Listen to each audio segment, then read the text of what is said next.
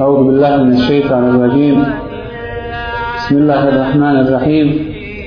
الحمد لله رب العالمين والصلاة والسلام على أشرف الأنبياء والمرسلين نبينا محمد وعلى آله وصحبه أجمعين.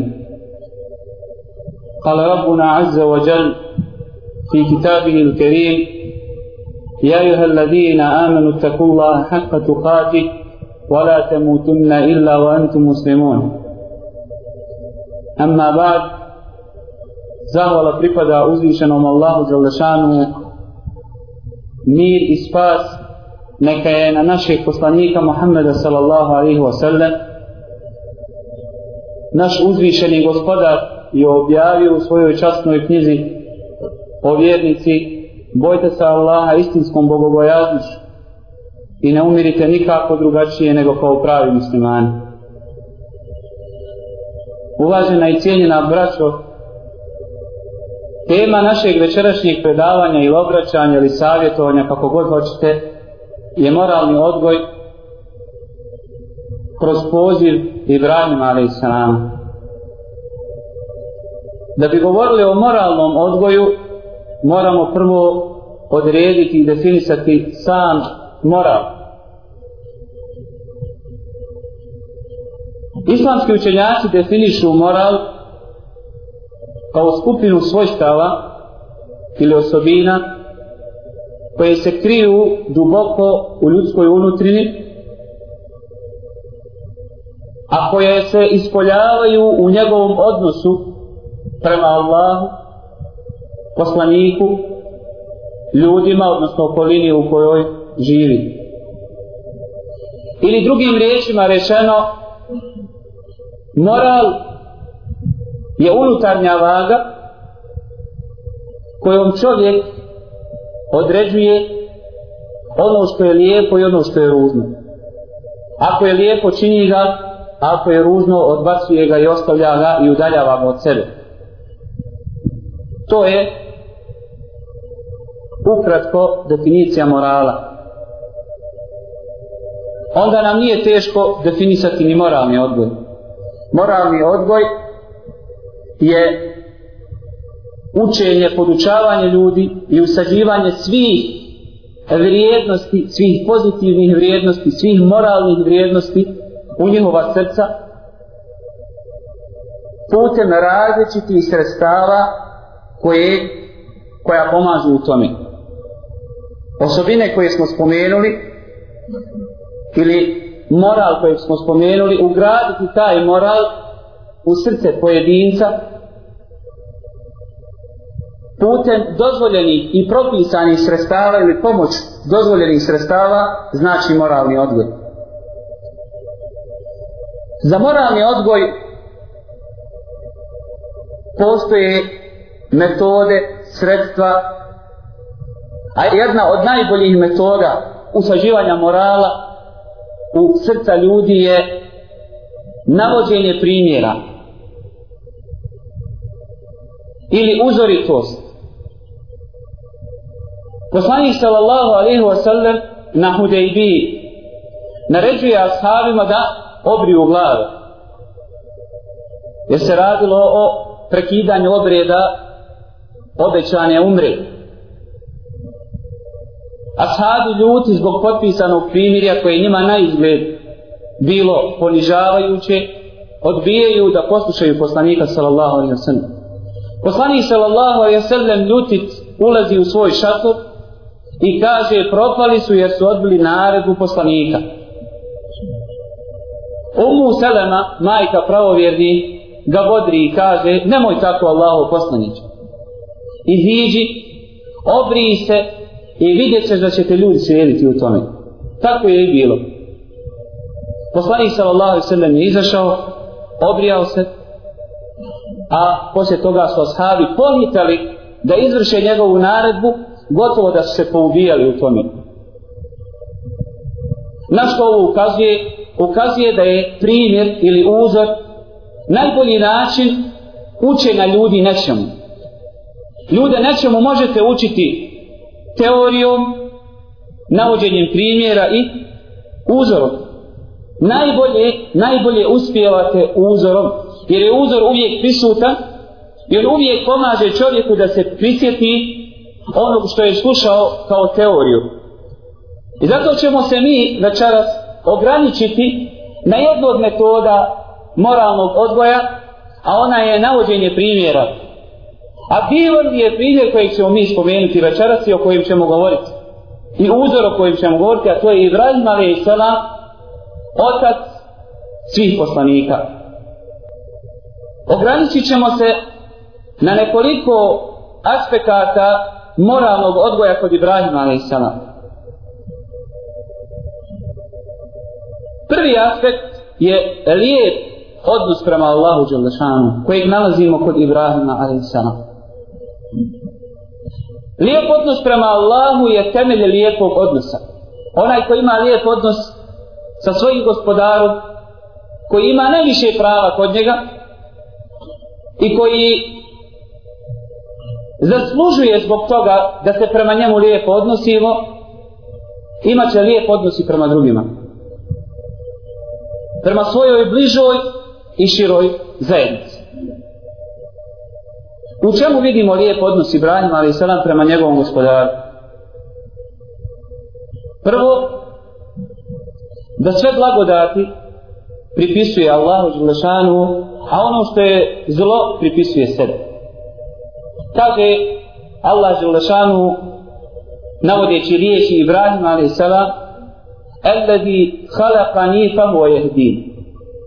On me stvorio i uputio na pravi put. والذي هو يطعمني ويسقين. On je taj koji me hrani i poji. Wa idha maridtu fa huwa yashfi. A kad se razbolim, on me liječi. Iako znate da zdravlje i bolest dolazi od Allaha Đelešanu i čovjek se ne može razboljeti osim Allahovom voljom. Ibrahim a.s. iz lijepog odnosa prema Allahu kaže kada se razboli, a ne kada me ti razboliš. I ono što znači može pripisati Allahu Đulešanu pripisuje sebi. Zbog njegovog lijepog odnosa prema njegovom gospodarstvu. Da li je takav slučaj sa nama? Da li mi dobro kojeg imamo pri sebi pripisujemo Allahu ili sebe uzdižemo? Sebe ističemo? Mada je Allah Želešanu taj koji raspoređuje, dijeli, I čovjek treba da bude zadovoljan onim što mu je on dodijelio. Ali je li čovjek postigao neku blagodat? Ja sam to zaslužio, ja sam to svojim rukama uradio, ja sam to zaradio. A šta da te je Allah Želešanu razbolio? Šta da te učinio nepokretnim? Kao što je učinio nekoga drugog? Da li bi tada mogao postići ono što si postigao? Dalje, Ibrahimov lijep odnos prema Allahu Đelešanu vidimo i u njegovom zadovoljstvu Allahovom odredbom, kaderom. Allah Đelešanu svojim kaderom hoće, svojom odredbom, da iskuša Ibrahima ali sa nečim što mu je najdraže, a to je dijete. I traži od njega da ga žrtvuje. Nakon što ga dobio, prošao je dug period, Ibrahim a.s. oronuo, ostario, treba mu pomoć, Allah Želešanu ga iskušava i traži od njega da žrtvuje to svoje djete. I on biva zadovoljan time i biva zadovoljan i njegov sin. A kada bi mi malo prokopali svoja prsa, vidjeli bismo da često nismo zadovoljni Allahovim kaderom. Da se samo pretvaramo. Da bi voljeli da bude onako kako bi naše duše željele. Hvala Allahu, ako Allah daje, Allah određuje, to je njegova sudbina. Međutim, duboko u svojim prsima nismo zadovoljni time. Što je onome me dao, što meni nije dao? Što je njemu dao zdravlje, mene razbolio? Možda jezicima svojima kažemo, A dobri su i oni koji jezicima svojima kažu, ali češći su slučajevi da čujemo ljude, šta sam ja to Allahu skvirio, šta je to, vidi ovaj, to i to radi, pa mu Allah nije dao, i tako dalje.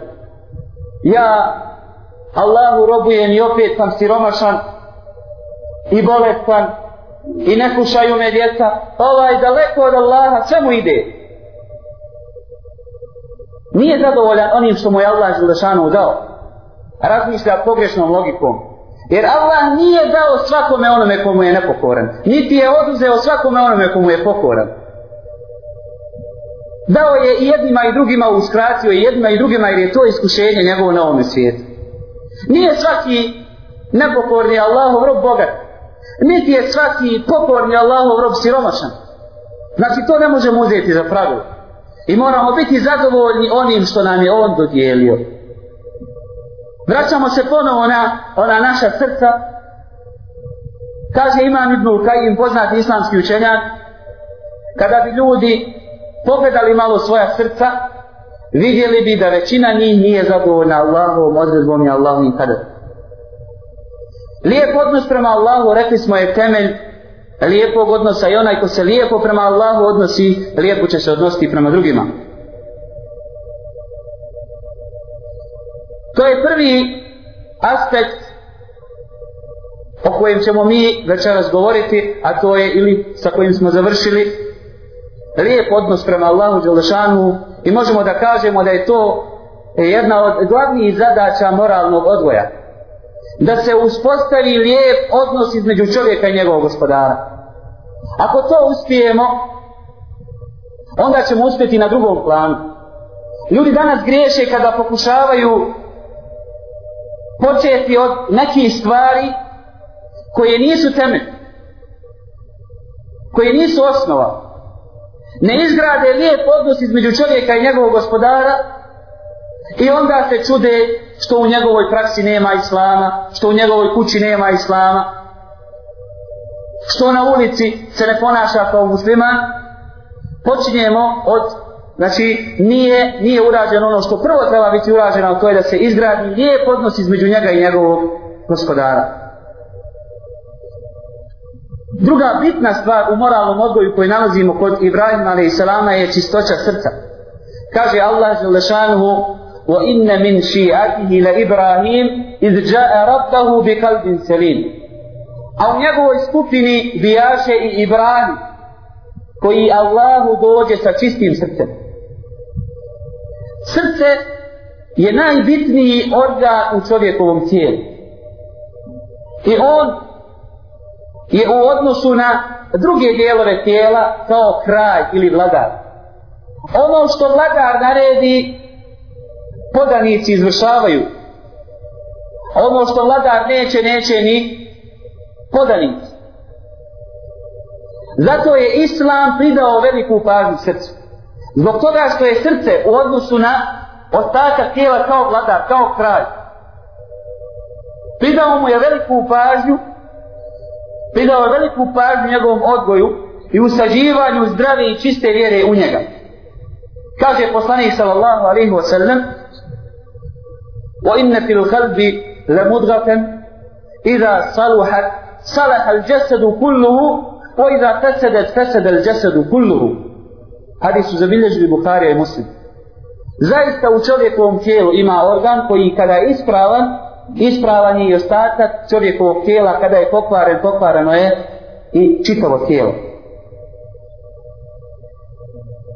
I ako kod ljudi vidite prevrtljivost, sada je ovakav, sada je onakav, sad praktikuje vjeru, sad popusti, sad prihvati, sad ostavi, sad pokažeš čvrstinu, sad slabost, znajte da je problem u njegovom srcu. Da njegovo srce u samom početku nije izglačano i nije raščistilo sa sa džahilijetom, sa neznaboštvom, sa osobinama i svojstvima koje ne priliče muslimanu. Kaže, kako je mogao Pa dojučer sam da viže u džami i pet pakat namaza klanjao, a sada ga ne možeš dovesti u džami nikako. Ili prihvatio vjeru, čak nekad vidite ljude u potpunost vjeru prihvate i kaže u mojoj kući će se sprovoditi islam u potpunosti. Onda odjednom tako vidite zagrljenog sa nekim pjevaju po putu, napili se. Šta je bilo sa njim? On je vjeru prihvatio vanjski, vanjštinom, ali je svojom unutrinom nije prihvatio. Kada je upitan jedan iz prvih generacija islamskih učenja, da li čovjekovo srce čini seždu Allahu Đelešanu? Kaže, jeste. Učini je jednom i nikada se više sa te sežde ne diže. Što znači da je osnova u čovjekovom obožavanju Allaha Đelešanu i pokornosti njemu jeste predano srca Allahu Đelešanu. I zato Allah Đelešanu ističe ovo Ibrahimovo svojstvo, a to je čistoća srca. Kažu islamski učenjaci, odnosno tumači Kur'ana, u komentaru riječi koje smo malo prije spomenuli, od njegove skupine je Ibrahim, koji dođe Allahu Đelešanu sa čistim srcem, kažu čisto srce je srce koje je sačuvano od svakog vida zla i koje je ispunjeno svakim dobrom koje ne podcijenjuje ljude koje ne prezire ljude koje je ispunjeno veličanjem Allaha Đelešanu sačuvano licemjerstva i ponizno Allahu i ponizno njegovim častim robovima. Ibrahimovo srce je obuhvatilo, odnosno njegovo veliko srce je obuhvatilo sva ova svojstva koja smo spomenuli. Pa vidimo ga kako uporno poziva svoj narod, iako se oni sa njim ismijavaju. Moli Allaha za njih, moli Allaha da odvodi kaznu od njih i koristi najveće metode u njihovom pozivu. Iako su bili obvezli u, u najvećem grijehu, a to je širk, idolatarija, mnogoboštvo. I pored toga Ibrahim ali i selam svojim velikim srcem pokušava pridobiti taj narod, pozvati ga, približiti ga Allahu Želešanu i zbog toga Allah Želešanu njegovo srce naziva ili opisuje kao čisto. Da mi stavimo svoja srca na tu vagu pa da vidimo koliko su ona čista. Danas možemo čuti ljude kako punim ustima govore da su čisti srca pa makar oni ništa ne praktikovali makar ništa ne radili ja sam dobrog srca ja sam pošten ja sam dobre duše i tako dalje ono što je u srcu mora se ispoljiti u vanštini Ako ti u istinu poštuješ Allaha Đelešanu, onda ćeš ti u praksi poštivati njegove granice. Kao kad poštuješ vladara ili predsjednika, ti jevde u vanštini pokazuje što? Pa ne smije se ovo kršiti, pa ne smije se ovaj zakon, pa ne smije ovaj. A kada ljudima spominješ Allahove zakon, ej, ja, dobro, ja sam dobar musliman u srcu. Kad im spomenete ljudski zakon koji su ljudi propisali, on ne smije se to kršiti, pa znaš ti da iza toga sledi taj, taj član, amandman, taj, taj, to i to. Što znači da su pokorni i tu pokornost su pokazali u praksi. A kada dođete kod Allahove vjere i kada pokušate da upotrebite istu logiku, pa dobro, ako ti poštuješ Allaha u srcu, pokaži to u djelu.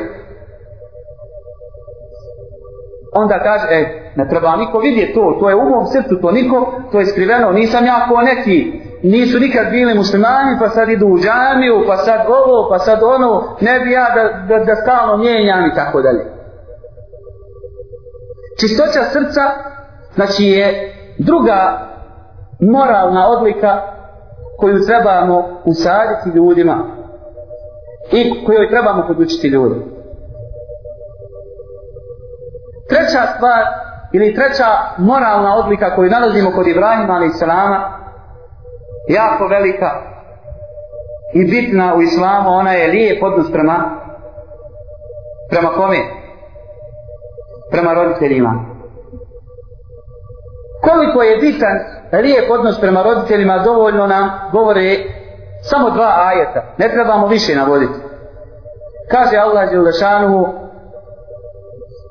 kada govori o savjetu Lukmana njegovom sinu ووصينا الإنسان بوالديه حملته أمه وهنا على وهن وفصاله في عامين أن اشكر لي ولوالديك إلي المصير I mi smo čovjeku naredili, oporučili, savjetovali da Allahu i svojim roditeljima zahvaljuje zbog čega? Zbog toga što ga njegova majka nosi njeno zdravlje, zbog toga trpi, doji ga do dvije godine. Mi smo mu naredili da zahvaljuje meni, to jest Allahu Đelešanu i svojim roditeljima. Zahvala roditeljima dolazi zajedno sa zahvalom Allahu. A u drugom kuranskom ajetu kaže Allah Đelešanu وَعْبُدُ اللَّهَ وَلَا تُشْرِكُوا بِهِ شَيْئًا وَبِالْوَالِدَيْنِ إِحْسَانًا Obožavajte Allaha, najveći imperativ. Obožavajte Allaha i nikoga mu kao druga ne pripisujte najveća zabrana i svojim roditeljima dobro činite. Kur'an je namjerno ovdje izostavio šta se podrazumijeva pod tim dobrom, kako bi bilo obuhvaćeno time svako vrijeme, svako mjesto i običaj, kako to ne bi bilo skoncentrisano na određeno vrijeme. Činite svojima roditeljima dobro. Kao što Kur'an, kada govori, kada pojašnjava da je Kur'an najbolja uputa, ili najbolji put, ili upućuje na ono što je najbolje ostavlja i mi ne znamo šta je to najbolje. Kaže, inne hadel Kur'ane jehdi lilletin je akvan ovaj Kur'an upućuje na ono što je najbolje. Šta najbolje? Najbolje u odnosima, u ponašanju, u, u bračnoj zajednici, u odnosu na ulici, u ponašanju, u preduzeću, u pozivanju ljudi i tako dalje, u praštanju greški.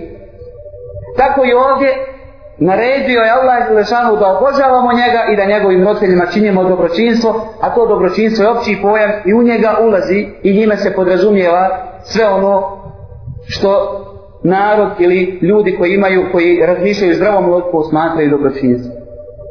Poznati islamski učenjak današnjice šejh Muhammed al-Muhtar al-Shankiti, jedan od najvećih islamskih pravnika ovoga vremena, govoreći o dobročinstvu prema roditeljima kaže da postoje dvije vrste dobročinstva prema roditeljima za njihova života i poslije njihove smrti. Kaže dobročinstvo za njihova života biva srcem, jezikom i udovima. Srcem tako što ćemo biti zahvalni u svome srcu za sve ono što su uradili za nas. Žrtvu koju su podnijeli jezikom da im se nikad ne suprostavimo i da im ne priječimo u govoru. Kao što Allah kaže, Allah to najbolje opisuje i ne recite im ni u, a ne nešto gore od toga. Nažalost, danas vidimo da je čovjek spreman, odnosno dijete spremno svome roditelju reći puno krupnije stvari od i od u i od neću spremno se posvađati sa svojim roditeljem, spremno u potpunosti odbaciti ono što on od njega traži, spremno odbaciti njegov autoritet i ubiti jednom za svakda nešto što se zove autoritet oca u porodici. Dobročinstvo znači srcem, dobročinstvo jezikom i dobročinstvo tijelom, odnosno udovima, a to je da se izvršava ono što oni traže od nas, od dobra, njihova naredba ako ona nije u suprotnosti sa Allahom i Ulašanom vjerom. To je za njihova života. Poslije njihove smrti dobročinstvo se ogleda u posjećivanju onoga koga su oni posjećivali, održavanje lijepe veze i kontakta sa onim sa kime su oni održavali, kaže poslanik sallallahu alaihi wa kada upitao čovjek kako će činiti dobročinstvo svojim roditeljima nakon njihove smrti, kaže da posjećuješ one koji su im bili najdraži. U čemu vidimo lijep odnos Ibrahima ali i Salama prema njegovim roditeljima, smo u ovom slučaju prema njegovom ocu, u načinu na koje on, na koje on poziva svoga oca. Kur'an nam opisuje u potpunosti kako Ibrahim ali i Salam poziva svoga oca. Koji je bio jedan od rukovodilaca nevjestva, za njega se spominje da je klesao kipove, da je mrzio Ibrahima zbog njegove vjere. Ibrahim a.s. poziv upućen njemu započinje sa riječima ja ebeti, babuka, od milja. Da bi ga posjetio na vezu koja postoji između njih dvojice. Ja sam tvoj sin i želim ti dobro. Zatim, ne nameće mu se Ibrahim a.s. Ne spominje sebe kao nekog velikog učenjaka, iako je Allahov poslanik. Ne spominje sebe kao nekoga posebnog, iako mu je dolazila objava od Allaha Đelešanu. Nego kaže, ja ebeti kad džaeni min al ilmi, ma lam je'tike fette bi'ni ehdike siratan sevija. Babuka moj, meni od Allaha nešto malo znanja dolazi. Znanja koje ti ne posjeduješ. Slijedi me i ja ću te na pravi put izvesti. Ne kaže mu, šta ti znaš? Ja sam učio, ja završio medresu, ja završio islamski fakultet, nemaš ti pojma. Iako je poslanik, posjeduje najviše znanja. Posjeduje znanje o čemu? Kaže mu, babuka moj, ja imam nešto malo znanja, poslijedi me, možda te na pravi put izvedem.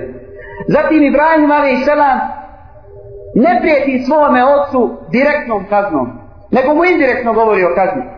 Ja ebeti inni je hafu en je meseka azabu min ar-Rahmani o tekune li šeitani volija. Babuka moj, bojim se da te gospodar tvoj ne kazni i da šeitanov prijatelj ne postaneš. Ne kažu mu ti su džahannam, ti ništa ne radiš.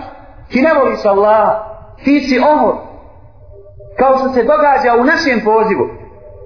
Ibrahim a.s. zašto nama Kur'an spominje primjere? Da bismo govorili kako ovo lijep primjer, kako bi se naslađivali. Ne, kako bi uzeli pol, kako bi se mi ponašali onako kako se ponašaju oni za koje nam Allah Želešanu navodi primjere, a to su Allahovi poslanici. Ibrahim a.s. je vrhunac lijepog odnosa prema roditelju u njegovom pozivu. I na kraju, kada ga njegov otac odbija, kada mu kaže ne prođeš li se i branime sa time u što me pozivaš, znaj da ćete kamenovati. Ibrahim a.s. vidi da nema više koristi i kaže salamun alaik se estagfiru leke rabbi innahu kane di hafija. Salam alaikum neka je Allahu mir s tobom. Ja odlazim, molit ću Allaha da ti oprosti jer on meni dove prima. Ibrahimov odnos prema njegovom roditelju ukazuje nam na jako bitnu stvar. A to je da se lijep odnos ne odnosi samo na roditelja muslimana i nego na roditelja nevjernika.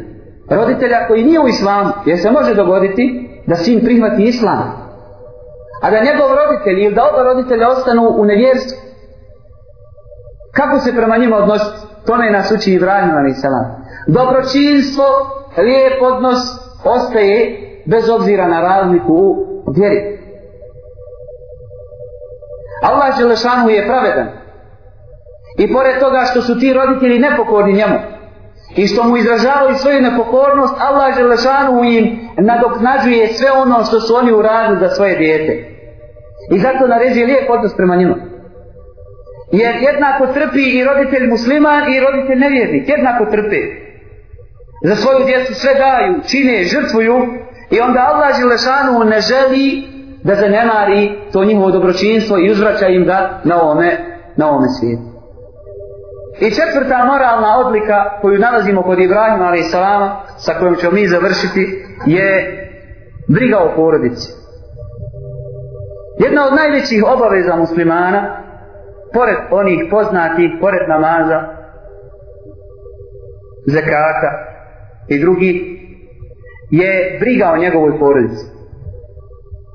Kaže poslanik sallallahu alejhi ve sellem: "Kullukum ra'in wa kullu ra'in mas'ulun an ra'iyatihi." Svi ste vi pastiri. A svaki pastir će biti odgovoran za svoje stado. I onda znate ostatak hadisa. Šta to znači? To znači da čovjek nema pravo da reći pa znaš šta ja za sebe, moja žena za sebe, ja za sebe, moje dijete za sebe, ja im ne mogu ništa, ja neću da se petnjam u njihov život. Ja Allahu Đelešanu padam na seždu, ona ako hoće, hoće. Dijete ako hoće, hoće. Nije tako. Čovjek mora i obavezan je da uloži maksimalan trud u odgoju svoje porodice. I njenom izvođenju na pravi put. I zato će biti pita, ako ne bude poduzeo uzroke, da ih izvede na pravi put. Nažalost, Briga o porodici je zadnja tačka dnevnog reda danas kod muslimana. I zbog toga, zbog toga imamo nered u porodicama, ružan odnos između sinova i njihovih roditelja, između čovjeka i njegove žene.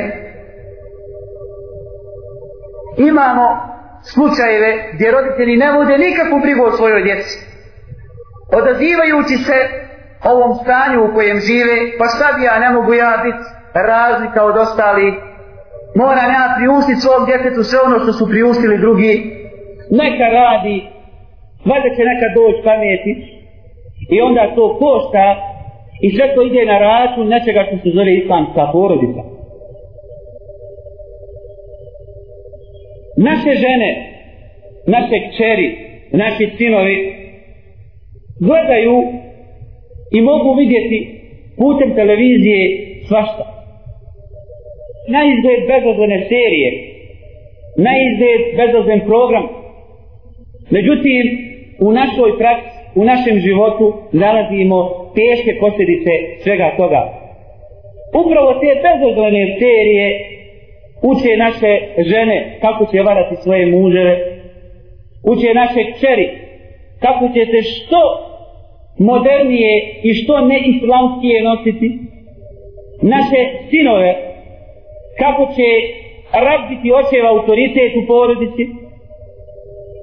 Sve to imamo u tim serijama ili filmovima i na kraju imamo, rekli smo, nered u porodicama, imamo ružan odnos jednim prema drugima, imamo stalno, stalne probleme koji se ne mogu riješiti osim islamskim načinom života. Ljudi, ako prihvati Allahu vjeru, za koju oni misle da ona tere, a ona je, ako uzmemo samo neku trajnu obavezu koju imamo, to je namaz, pola sata u toku dana, sve ostalo ide u korist čovjeku, u prilog čovjeku. Islam mu donosi lijep i korektan odnos u porodici. Islam mu donosi beričet u imetku. Islam mu donosi spas od svih poroka koje danas vidimo u društvu i koje pokušavaju liječiti, ali je preventiva bitnija od toga, a to je da se živi islamskim načinom života, donosi im svako dobro. Kažem, jedina obaveza koje se ljudi toliko plaše je nama, jer hađ imaju jednom u životu ako su mogućnost. Post imaju jednom u godini. I opet uz mnoge olakvice koje je Allah dao. Zekat ima onaj koji ima i metka. Prema tome ostaje namaz. A i on je pola sata u toku dana. A bar tri i pol sata imamo za dunjaluk i za brigu o sebi. Tako da Islam donosi dobro nama na ovome svijetu. Mi ne govorimo samo o onome svijetu. Na onome svijetu svakako. Kraj pripada vjernicima, nagrada pripada vjernicima, Allah će svoditi račune, ali i na ovom svijetu briga o porodici, briga onima koji su nam najbliži, donosi veliko dobro. U čemu vidimo Ibrahima u brigu o njegovoj porodici? Ibrahim a.s. ima dvije žene, Saru i Hađar. Svaka od njih je pokazala čistoću srca, pokazala bogobojaznost, pokazala da je čvrsto vezana za Allaha. Hađer kada je Ibrahim a.s. ostavljao u pustinji, gdje nema ni ljudi, ni vode, ni hrane, ostavlja jer mu Allah naređuje. Hvata se za pole njegove jahalice i kaže, kome nas ostavljaš Ibrahime? Ostavljam vas Allah. Kaže, onda nas Allah neće ostaviti. I znate šta je bilo dalje sa Hađerom i njegovim sinom. Zatim, Sara kada je Ibrahim ali selam sa njom došao kod vladara, nepravednog vladara koji je htio silovati, moli Allaha u tom trenutku, utječe mu se, traži zaštitu od njega i Allah ne dozvoljava da joj priđe. Ibrahim a.s. ima čestite sinove, poslanike, za koje on moli Allaha Đelešanu, dovi, upućuje dovu, kako to mi htjeli, poslije namaza, i zamolili Allaha da uputi našu djecu, da je izvede na pravi put, da je učini pravi vjernicima. Ibrahim a.s moli Allaha da sačuva njega i njegovu djecu širka. Mnogobožstva. Sačuvaj mene i moju djecu od obožavanja kipova. Islamski učenjaci spominju ovaj ajet u pogledu strah od širka, strah od idolopoklonstva. Ljudi su danas potpuno sigurni, ništa nemaju kod sebe od vjere i sigurni što posto Allah će njemu oprostiti, Allah će se njemu smilovati. Ibrahim ali selam poslanik, Božji miljenik, moli Allaha da ga sačuva širka i idolopoklonstva. A ljudi danas u blaku širka sve obožavaju. Obožavaju i metak, obožavaju i žene, obožavaju i auta, obožavaju i vile, obožavaju biznis, obožavaju stolice i pored toga sigurni, sigurni od Allahove kazni. Ne trebaju ništa raditi, ne trebaju Allaha moliti. Čista srca. Ibrahim a.s. moli za sebe i za svoju djecu da ih sačuva idolopoklonstva. Zato nemojmo zaboraviti da je od naše brige prema našoj porodici jeste da molimo Allaha da je uputi. I to da Allaha iskreno i čvrsto molimo u onome vremenu kada se on najviše odaziva. Allah Đelešanu je naredio brigu o porodici kada je rekao Ja juha ladina amanu ku ankusekum wa ahlikum nara. O vjernici, čuvajte sebe, sebe i svoje porodice od vaše. Čuvajte sebe prvo normalno, jer čovjek ne može nekoga drugog čuvati, nekoga drugog pozivati, prvo mora sebe, prvo mora sebe odgojiti, da bi dijete krenulo pravim putem, mora to vidjeti od mora to vidjeti od svoga roditelja. Molim Allah Đelešanu da da nam pomogne da kod tebe steknemo da kod sebe izgradimo pomenute moralne odlike koje smo spomenuli u kod Ibrahim a.s. salam od lijepog odnosa prema Allahu čistoće srca lijepog odnosa prema roditeljima i brige o porodici